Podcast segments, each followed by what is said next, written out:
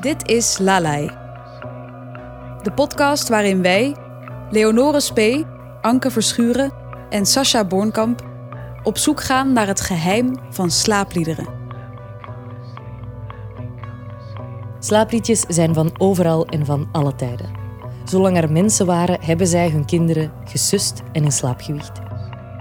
Wat betekenen slaapliederen voor ons? En wat vertellen ze over ons? Over onze menselijkheid?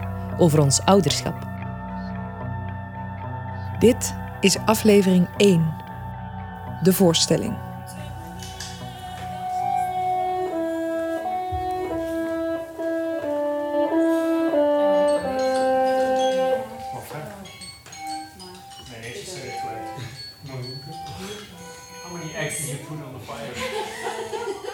Het is eind februari 2022. We bevinden ons in Mortsel, in de repetitieruimte van muziektheaterhuis Walpurgis. We zijn hier met een bijzondere verzameling van mensen. Behalve Johannes, Toon, Bruno en Kobe van Zwerm en de drumster Karen Willems zijn ook de Iraanse zangeres Sarah Akbari, eindregisseur Raphaël Rodan en de Britse schrijfster Mary Phillips naar Mortsel afgereisd. Er wordt hard gewerkt. Er wordt muziek gemaakt en aan teksten geschaafd. Over twee weken gaat de muziektheatervoorstelling Lalai in première op het Clara Festival in Brussel. En staat deze groep mensen voor het eerst samen op een podium.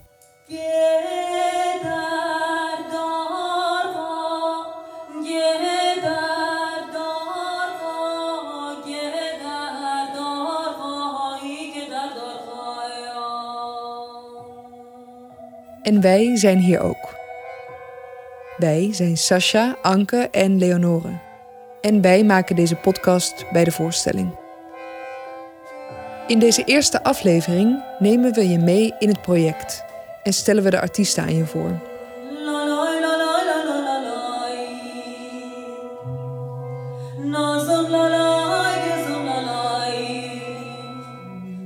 Enkele jaren geleden reisde Zwerm, een collectief van vier klassieke gitaristen uit Nederland en België, naar Teheran. Op een jazzfestival daar ontmoetten ze de Iraanse zangeres Sarah. Bij het horen van haar stem wisten de heren van Zwerm meteen: met haar willen we samenwerken. En nu, nog geen pandemie later, zit ze hier. I'm Sarah. Um, I'm 36 and I'm from Iran. Maybe you don't know my country very well, but it's yeah, it's in Middle East, and uh, we speak Persian, not Arabic, which is is not that important. But yeah, so many people when I say I'm coming from Iran, they say, "Oh, Iraq." So that's no, it's Iran. But so many people here call it Iran. I know that, and it's easier for them to pronounce it. So yeah, and I studied theater acting uh, in university, and I am a theater actor. And but in this project, I perform as singer.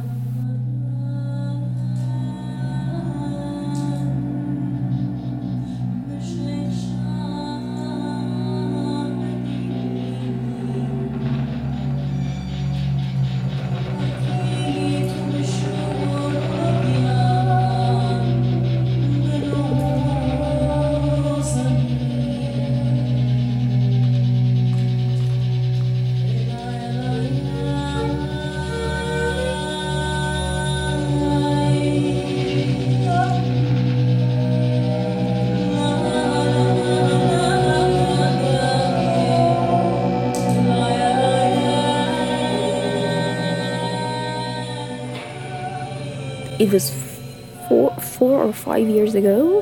Back in Tehran, we have a um, festival for new music. It's called um, Tehran Contemporary Music Festival. We had like in our international part of the festival, we had uh, guests from different countries, um, and one group was Zwerm. And in the last day of the festival, it was something like a like a ti- tiny party in our office.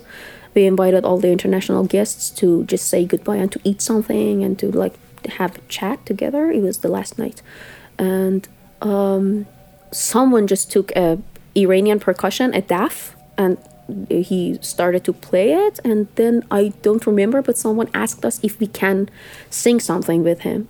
Uh, we, I mean, me and my friends, we really didn't want to sing there because we were so shy and like what the hell? Why do we want to? Why do we? Uh, have to sing things. But yeah, but eventually we sang like two or three songs together with the percussion.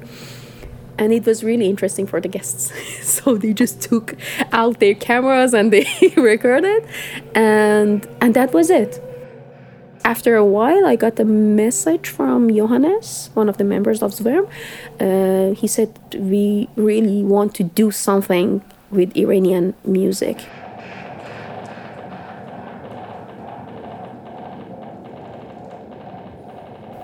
Actually, Johannes and, Zwerm, they didn't have so much ideas about Iranian folk music, so I sent them like so many music, like um, not only lullabies, so many like different music from around the country um, because they are different. I really wanted them to have an idea about like different parts of the country with different instruments and different like singing skills and different languages also. So yes. Uh, but as I am so much interested in lullabies, maybe I sent so many lullabies, which became interesting for them also.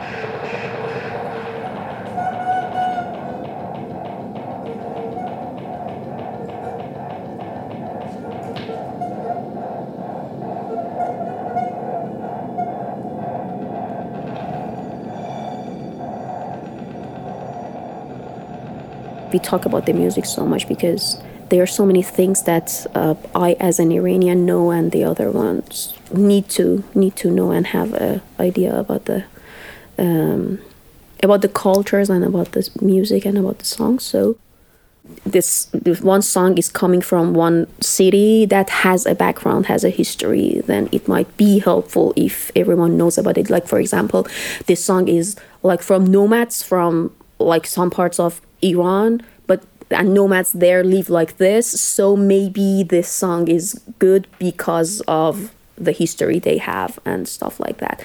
This is the things that I think I can be a bit helpful to to just yeah get the idea to the others.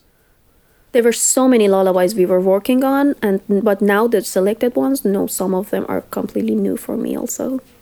I'm from Tehran, so I have, I mean, not that much knowledge about all the cultures around my country because it's a huge country and there are like so many like different languages and different cultures that I don't know at all about the languages. They're like new for me also.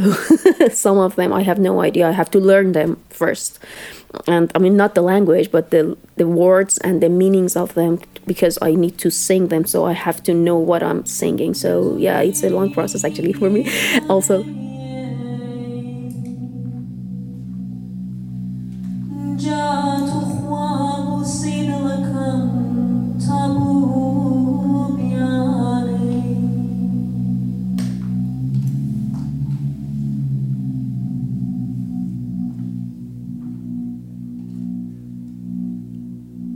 Oh, lullaby in general is what parents sing for their children when they want to they want them to go to sleep but the contents of the lullabies they are like really different from each other.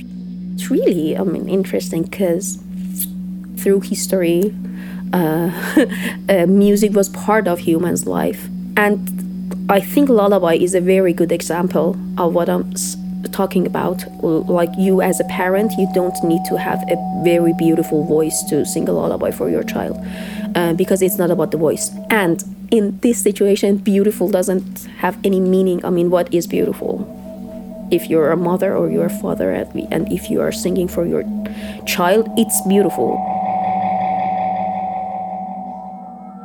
The other reason that lullabies are really interesting for me is that like I don't know about the other countries, but uh, the Iranian lullabies that I've heard, they have so many things to say in, in the lyrics. So, uh, like for example, a mother is sad because I don't know the, the life is not really nice, or the father just left him, or she's alone. Maybe she doesn't have an opportunity to tell anyone about it. But through the lullaby, there are so many things that she can she can say.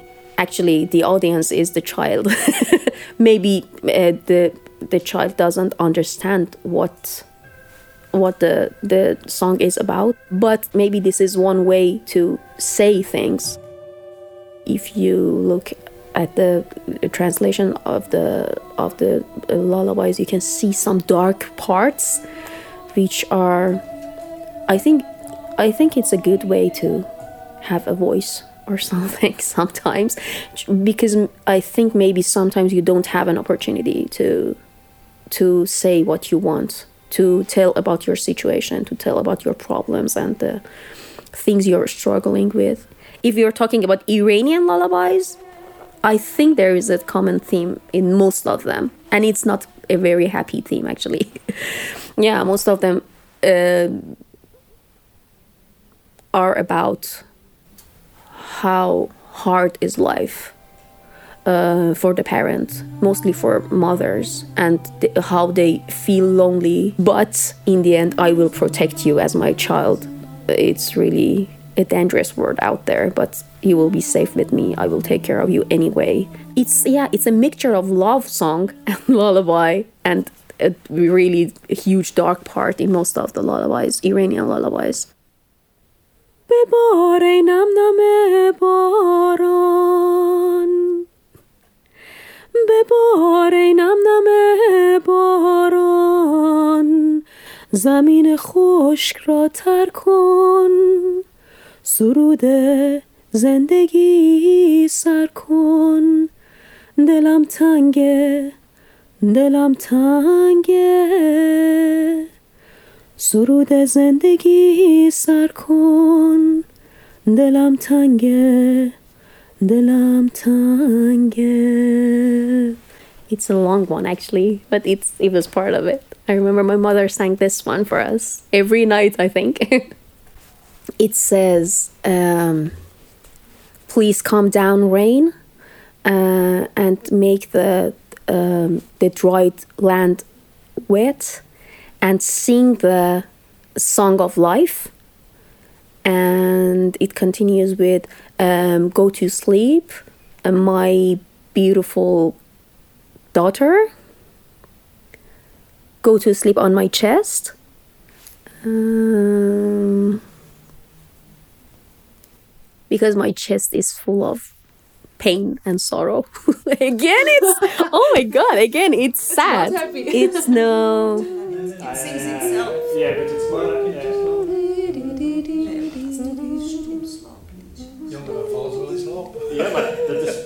is, dat, Dat is- dat is niet stoem, maar dat is wel een slaapje dat Ja. wordt gebruikt, toch? Allee, dat- Do you know the one that goes um, like Ne pleure pas Jeannette, la la la la la la la la la la la. So what happens in that one is Jeannette's in love with Pierre, but she can't marry Pierre, um, and they try and get her to marry someone else, and she refuses. And then the final verse, Et on pendouilla Pierre, which means and then they hanged Pierre. um, et la Jeannette aussi, et la Jeannette aussi, And Jeannette. and Jeannette too. so, my name is Marie Phillips. I am a writer and storyteller from the UK, although I'm half French and half English. Um, I started out as a novelist. Um, I've published a few novels, and then in the last kind of three or four years, I've I've started telling stories live on stage. I didn't meet Zwerm for ages. I met Johannes in um, in a cafe in Amsterdam, and uh, we just had a chat. And he's like, "Yeah, that seems great. Like, when can you start?" And I, I was like, "Do you want to see me tell a story? Because maybe I'm terrible. Like, you should probably check." And he's like, "Oh yes, send me a send me a clip." I was like, "Oh, I don't have one." And then I remembered I had a I, that someone had filmed our graduation show, so I sent him that. I'm like, "I'm at minute 28. See what you think." And then I was nervous that he was going to write back and go, "Oh no, I've made a terrible mistake." But he said, "No, no, good, good." So I was like, "Okay, great." Um, the idea was to do it based on um, Iranian stories. So I was reading so many stories, beautiful stories, really some you know, the the work itself is wonderful, but somehow I wasn't finding the story that that I knew I needed to tell. So I had this thought of lullabies, like what is a story? I just had it in my head. Somehow it has to connect to that. So so at first I was looking for stories about mothers and children or or specifically about women who don't have children or can't have children.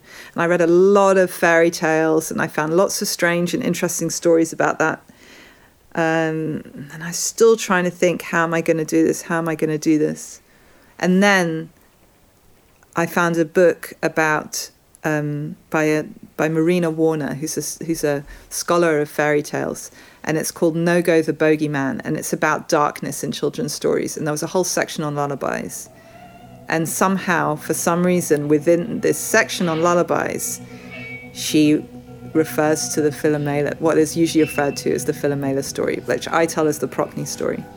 But um, this this Greek myth and as soon as I saw it, I thought, I want to tell this story.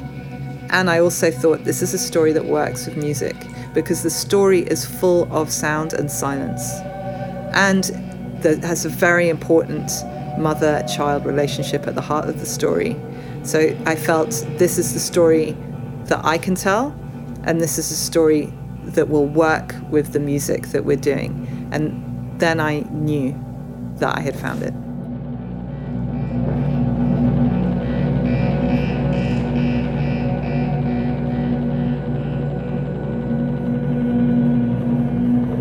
I have to trust my subconscious because um, it starts with a feeling, like a physical feeling. It's a little bit like falling in love. Um, you just feel on the inside this this this kind of click, this moment of rightness, and and and a desire. Like, okay, I need I need to tell this but you don't necessarily know why. Just like when you fall in love with someone, you don't necessarily know why. And then you spend time with that person and you get to know them, and then you start to see what what your what your connection is. And it's the same with a story. When you start when I start to spend time with the story, there are parts that hurt or there are parts that bring some joy. Like so so I can steer my attention towards where I feel things. In de voorstelling Lalae vertelt Mary het verhaal van Procne, een Griekse mythe overgeleverd via de geschriften van Ovidius. Procne wordt uitgehuwelijkt aan de machtige Tereus. Samen krijgen ze een zoon. Maar door het overzeese huwelijk moet Procne haar geliefde zus Philomela achterlaten. Ze missen elkaar verschrikkelijk.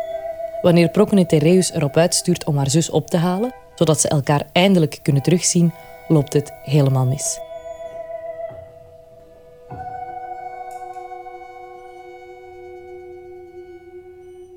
There's a lot of time that's just thinking about it, actually. It's just, you carry it with you.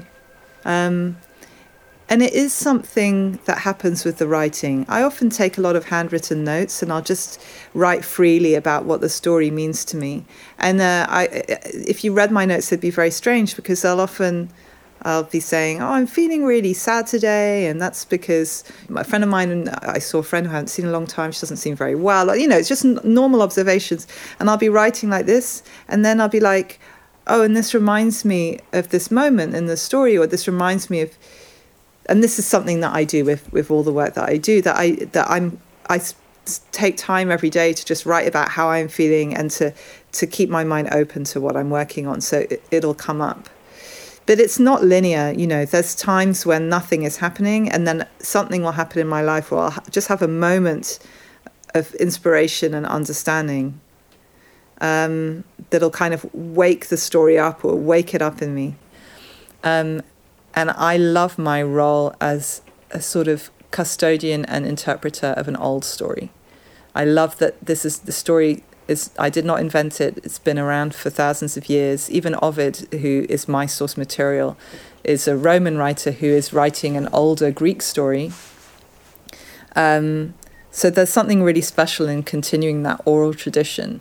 one of the reasons that I work with fiction and I work with old stories is sometimes it's easier to talk in fiction, it's easier to talk in metaphors, it's easier to talk, um, it's easier to make things up that have a deeper truth. Um, and that's still important because that's still a way that, that you can reach out, that you can connect, that you can show people that that they're not alone. It's a story that's full of people struggling to speak and struggling to tell the truth. And it's a very physical story. A lot of very physical things happen to the characters. A lot of acts of, of different sorts of violence happen to them. Um, so it's a story where people, in ways both good and bad, express themselves in ways other than speech. It's about the things that are really, really hard to talk about. And it's, it's kind of reaching out to people who have felt alone with that um, and giving them something that they can hold on to.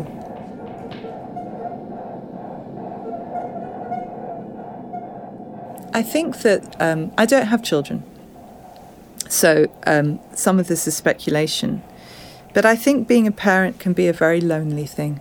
Even if there's two of you raising a child or more of you. Um, I think there are these moments when people are alone in the dark with a child. Maybe, you know, it's three o'clock in the morning, four o'clock in the morning, they haven't slept, the child is, is crying. And I, I, not even just those moments, any moments. I think that I think that so there's that there's the loneliness of raising a child but also i think parents and children keep secrets from each other all the time.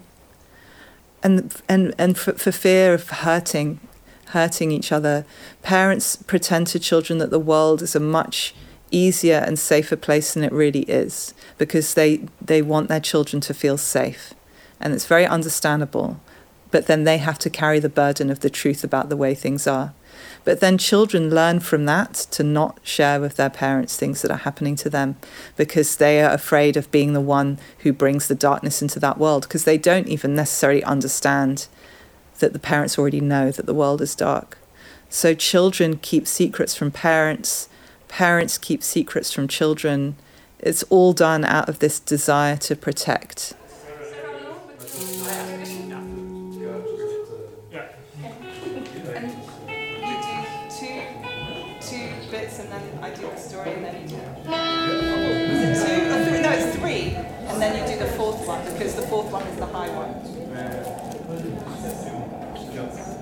Na een volle repetitiedag, waarop in allerlei toonaarden slaapliedjes weer klinken, gaan de artiesten naar huis. Of in het geval van Mary en Sarah naar een Airbnb ergens in de buurt.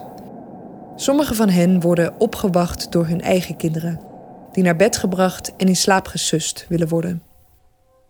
Wij gaan mee met Toon, muzikant en medeoprichter van Zwerm. Hij woont met zijn vriendin Jutta en hun twee dochters, Pien en Rosie, in Borgerhout.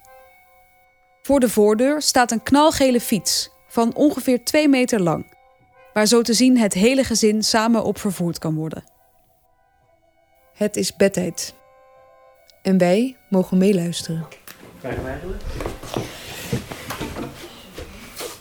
Ik denk hier, ja. Is, was een plootje. Ja. Ja, had jij niet nog verder gekeken? Ja, ik heb verder gekeken. Ja. hè? Dus we waren bij de wachter. Hè? Stop, het spijt me dat ik je leuke toespraakje moet onderbreken. Oei, eh, de vloer wiebelt. Gruizel, wat gebeurt er? Eh, wat ligt daar op de grond? Eh, geen idee. Het lijkt wel chips of zo. Chips. Ja. Ren, ren naar de andere kant van de gang. Wat? De muren, de muren komen op ons af. Oh nee, help me, ik kan ze niet tegenhouden. Het is gestopt, zomaar vanzelf. Oh nee, een zandloper. Legendariërs, jullie krijgen 10 minuten om het hoogste punt van mijn kasteel te bereiken. Veel succes. Ja, dus normaal, de procedure is ehm, de volgende. Samen met de twee kinderen een boekje lezen.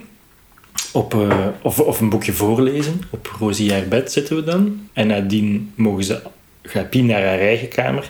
En mogen ze allebei nog tien minuutjes zelf in een boekje kijken of lezen. En dan ehm, kom ik terug om eh, het licht uit te doen en te zeggen dat ze moeten slapen. En dan zing ik nog een, een liedje of zoiets. En dan eh, in de...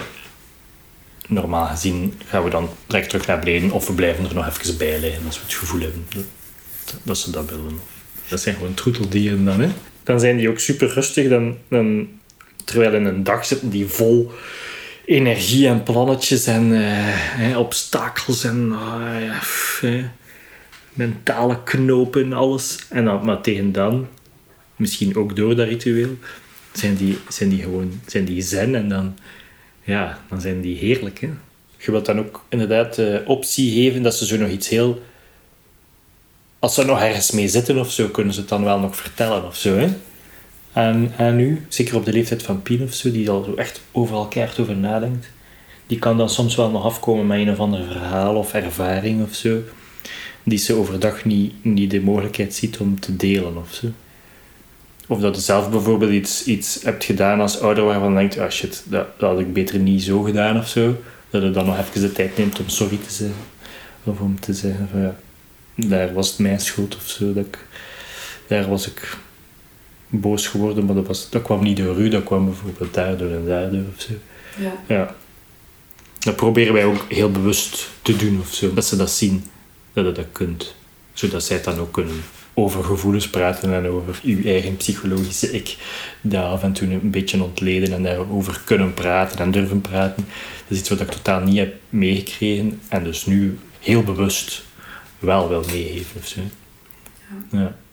En dat zijn ook dingen in, uw- in, de, in, in het opvoeden of zo, dat de of eh, dat Jutta en ik al vaak gemerkt hebben dat je dingen die je zelf niet hebt meegekregen of die je als fout ervaart of als een gemis ervaart, dat je dat dan wel wilt doen en soms ook wel wat overcompenseert of zo. eh. Die, die, die, die vuurleeuw, die is er niet bij. Wat vond je leuk vandaag? Waarom laat die elf haar vuurleeuw zomaar wegstaan? Is die dan kwijt, hè? Dat weet ik niet. Rosie, wat vond je leuk vandaag? Ehm. Ella hier was.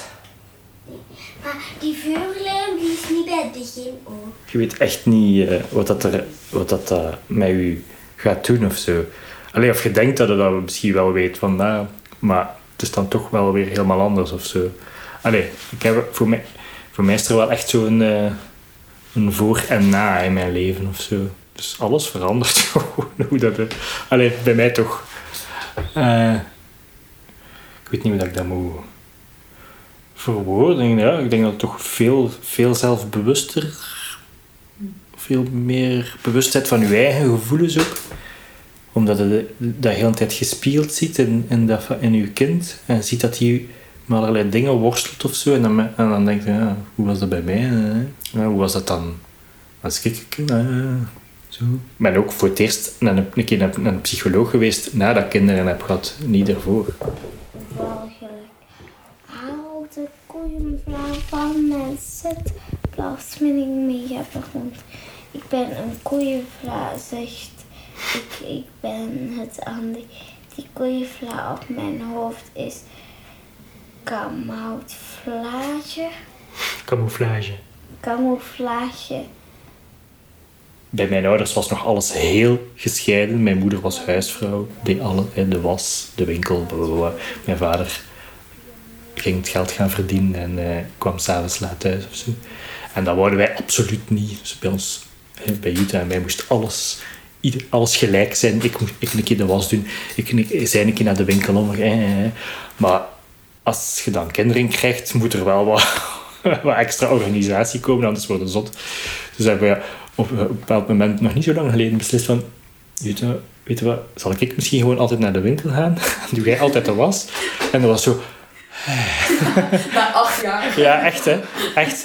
Ik bedoel, het is ook gewoon zo hè. Het is, het is ook net daarom dat je daar tegen probeert te vechten of zo. Hè. Het is ook gewoon zo dat, dat in de geschiedenis de moeder de zorgende rol heeft opgenomen. Het is maar super recent dat, dat, dat er mannen zijn die dat ook willen. eh. Maar ja, ook een beetje over, overdreven. Allee, achteraf gezien, hè. Ik bedoel, dat kind heeft gewoon genegenheid nodig, of het dan nu van mij is of van haar in het begin. Ja. Dus dat zijn allemaal dan dingen die je dan overcompenseert en dan weer in een latere fase ziet van, ah ja, eigenlijk. Wat vond je leuk vandaag? Alles. Alles. Ja. Wat vond je, wat vond je stom vandaag? Ehm. Ehm. Ehm. ehm, ik vond het stom dat Rosie ehm, eh, in de badkamer en zij was nee eigenlijk nee ik weet het niet Oké. Misschien was er niks stom vandaag. Lia, daar Rosie aan tafel. Ah nee, toch niet. Ik weet het niet. Nee, je, je moet niet iets stom En doen. weet je, van mijn deken kan ik een slaapzak maken. Hey. Dan zit je daar nu in. ja, kijk. Gekkie. Heb je pipi dan eerst? Ja. Lichtje uit. Ah, ik heb mijn knuffeltjes. Oké. Alle knuffels paraat. Slapen. Amor, amor, amor, amor. Hermanos míos, es amor. Ama todo como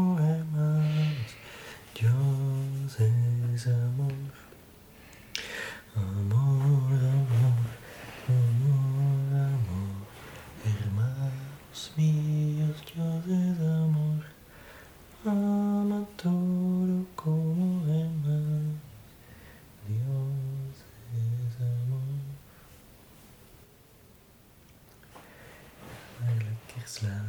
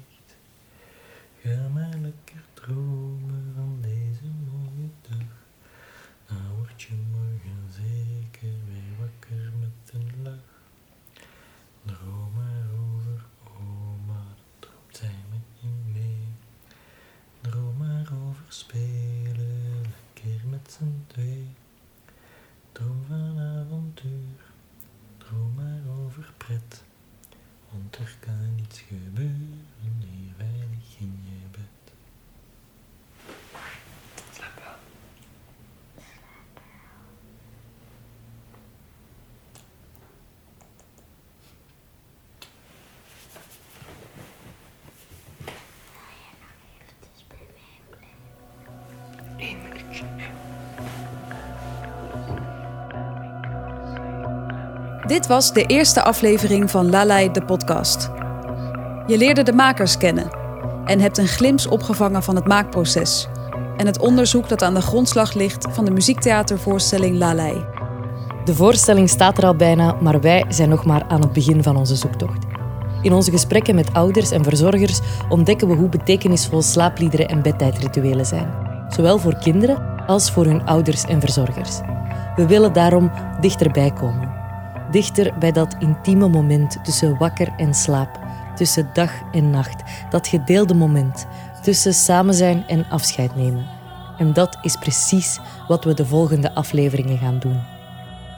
In de volgende afleveringen gaan wij op bezoek bij meer ouders en verzorgers en mogen wij het bedritueel bijwonen dat zij met hun kinderen hebben ontwikkeld. Wat nemen ze mee uit hun eigen kindertijd? Wat geven ze door? Wat laten ze achterwege en waarom?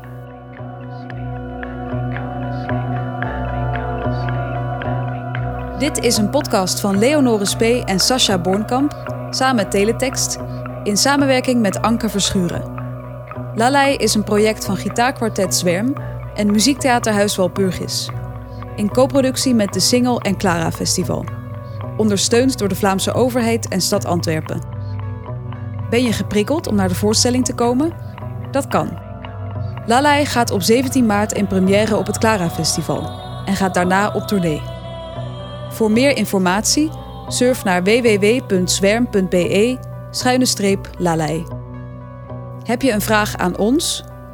Ben of ken jij een ouder met een bijzonder slaapritueel of een slaapliedje dat wij echt zouden moeten horen? Contacteer ons dan op info@teletextvzw.com. Dankjewel voor het luisteren en tot de volgende.